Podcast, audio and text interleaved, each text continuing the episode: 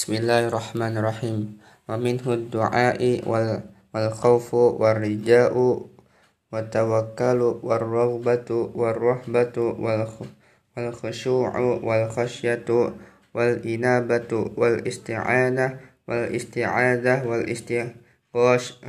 والاستغاثة والذبح والنذر وغير ذلك من العبادة التي أمر الله بها كله كلها الله والدليل قوله تعالى وأن المسجد لله فلا تدعوا مع الله أحدا الجن فمن صرف منها شيئا لغير الله فهو مشرك كافر. والدليل قوله تعالى ومن يدعو مع الله إلها آخر لا برهان له به فإنما حسابه عند ربه إنه لا يفلح الكافرون.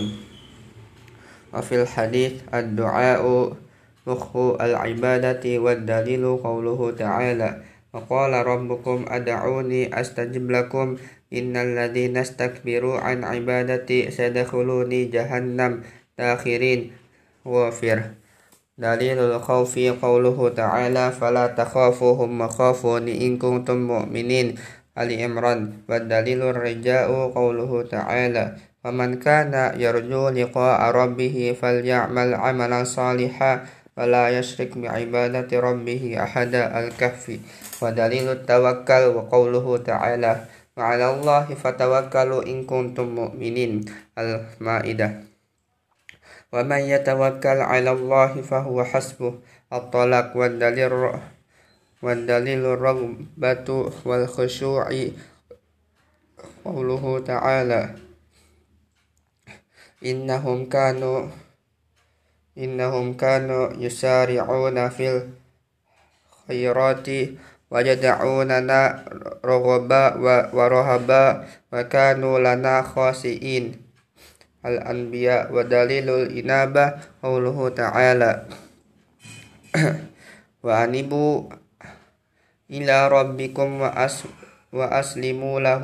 الزمر الآية ودليل الاستعانة قوله تعالى إياك نعبد وإياك نستعين. الفاتحة. وفي الحديث إذا استعنت فاستعن بالله ودليل الاستعاذة. قوله تعالى قل أدعو رب برب الفلق. قل أعوذ برب الفلق. الفلق.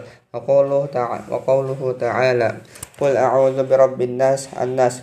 ودليل الاستغاثة. قوله تعالى إن تستغيثون ربكم فاستجابوا لكم. الأنفال آية.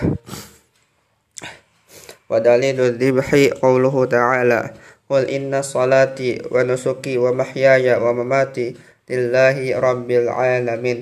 لا شريك له وبذلك أمرت وأنا أول المسلمون. الأنعام ومن سن ومن ومن السنة لعن الله من ذبح لغير الله. أخرجه مسلم. ودليل ودليل النذر قوله تعالى يوفون بالنذر ويخافون يوما كان شره مستطيرا.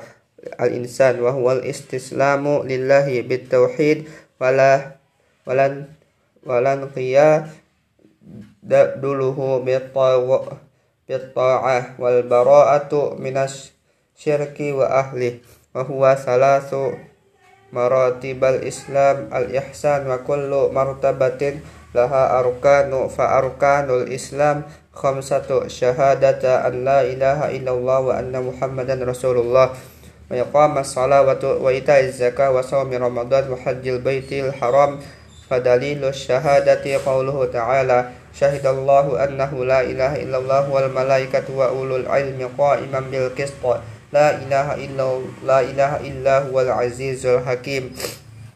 العمران ومعناها لا مبعوث لا معبود بحق إلا الله وحده, وحده لا إله إلا نافيا جميع ما يعبد من دون الله إلا الله مثبتا العبادة الله وحده لا شريك له في عبادته كما أنه ليس له شريك في ملكه وتفسيرها الذي يوضحها قوله تعالى وإذ قال إبراهيم لأبيه وقومه إنني براء مما تعبدون إلا الذي فطرني فإنه سيهدين وجعلها كلمة باقية في قفي ققيبه لعلهم يرجعون.